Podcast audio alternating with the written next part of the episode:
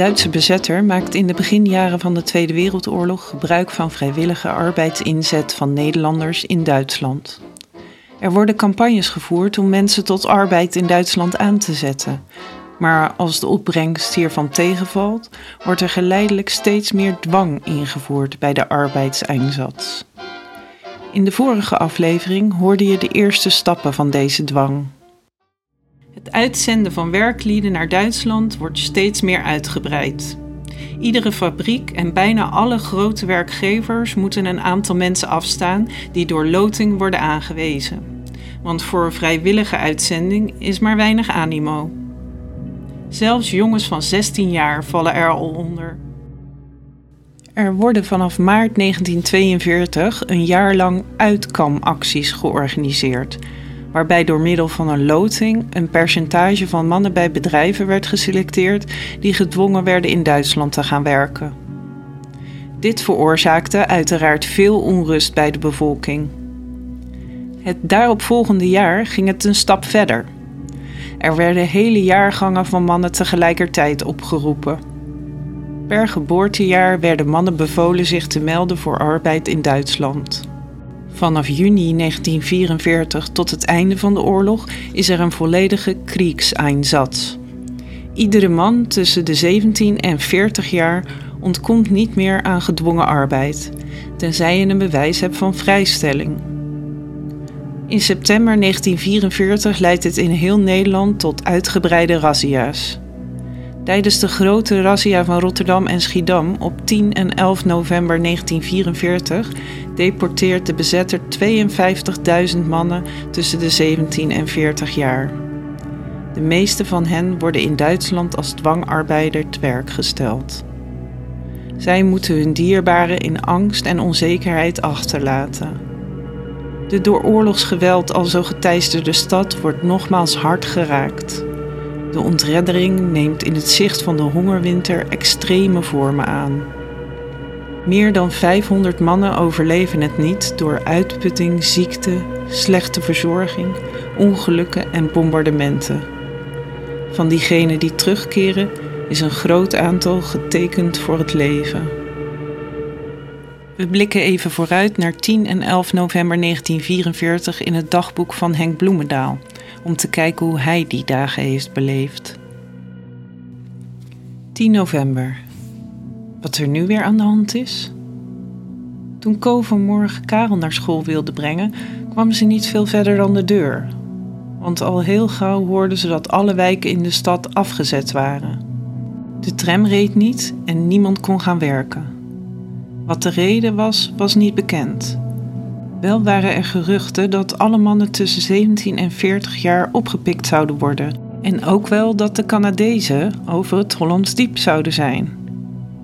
Een feit is dat ik niet verder ben geweest dan het hoofdkantoor in de straat, waar alleen een paar magazijnbedienden waren die met niets of niemand contact konden krijgen. In de loop van de ochtend blijkt dat door verspreiding van pamfletten en door een luidsprekerwagen bekend wordt gemaakt dat alle mannen tussen de 17 en 40 jaar, voorzien van een mondvoorraad, warme kleding en een deken, zich in iedere straat moeten verzamelen om arbeid voor de Duitse Weermacht te verrichten. Indien dit niet vrijwillig geschiet, zal geweld worden gebruikt.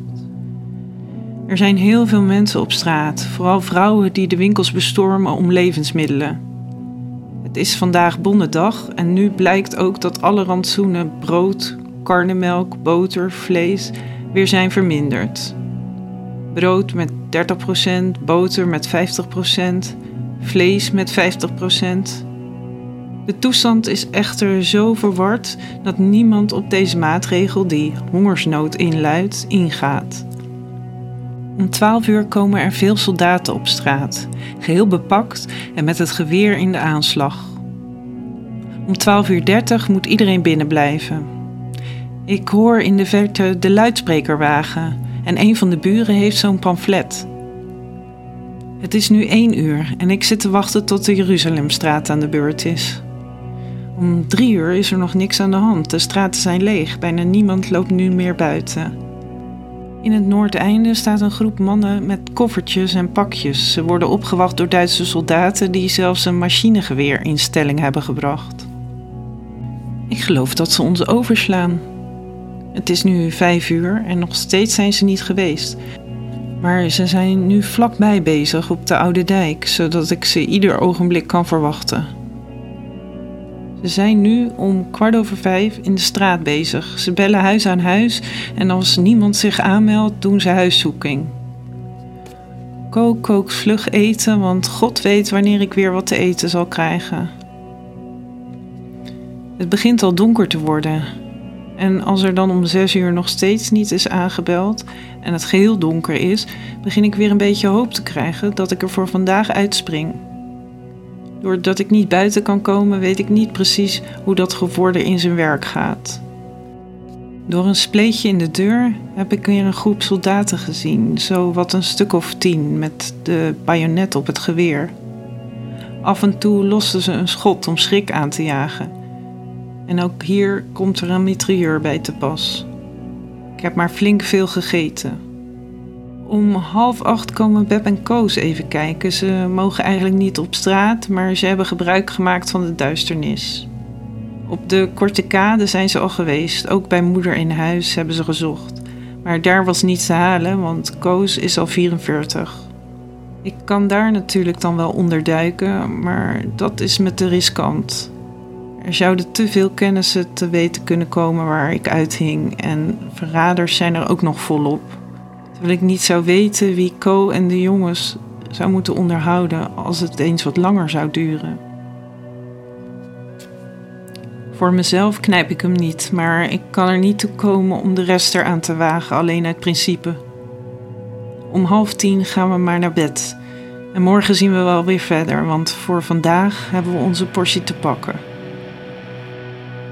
11 november. De hele nacht zijn ze blijven schieten. Vanmorgen reed er weer geen tram en de brug stond ook nog open. Bij de buren hebben ze alle mannen weggehaald, maar mij en nog een paar mensen naast ons zijn ze vergeten en ze schijnen in Krooswijk aan de gang te zijn. En ook vannacht hebben ze bijvoorbeeld in de Jericholaan nog gevorderd.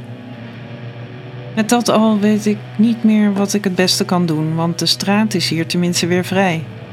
Bij de Vlietlaan en het Jaffa blijkt echter alles weer afgezet te zijn. Om tien uur ben ik maar weer eens gaan kijken aan het hoofdkantoor. Er is echter nog niemand aanwezig.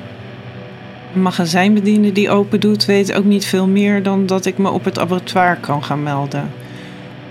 Als ik probeer om daar te komen, pikken ze me op de Goudse Rijweg onherroepelijk in en ik heb toch weinig zin om mezelf erin te luizen, nu ik door een masseltje nog vrij ben. Daarbij is het nog gevaarlijk ook, want zo ze zeggen moeten alle mannen van 17 tot 40 binnenblijven tot ze geroepen of gehaald worden. Ik weet ook niet hoe ik het in moet pikken en ik ben maar thuis gebleven. In de loop van de ochtend blijkt verder dat ze alle mannen die gisteren zijn verzameld af gaan voeren. Voorlopig moeten ze in grote groepen naar Gouda lopen. Niemand weet echter wat er dan verder gebeurt.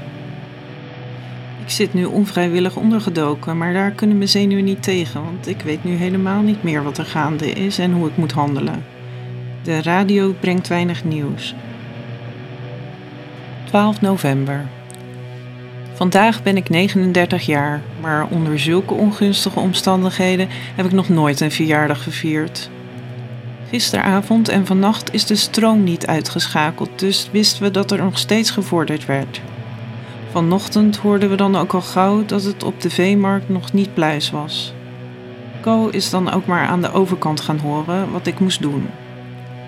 Ze kwam alleen te weten dat ze me het daar niet lastig zouden maken als ik me niet op straat liet zien, dus blijf ik maar weer binnen.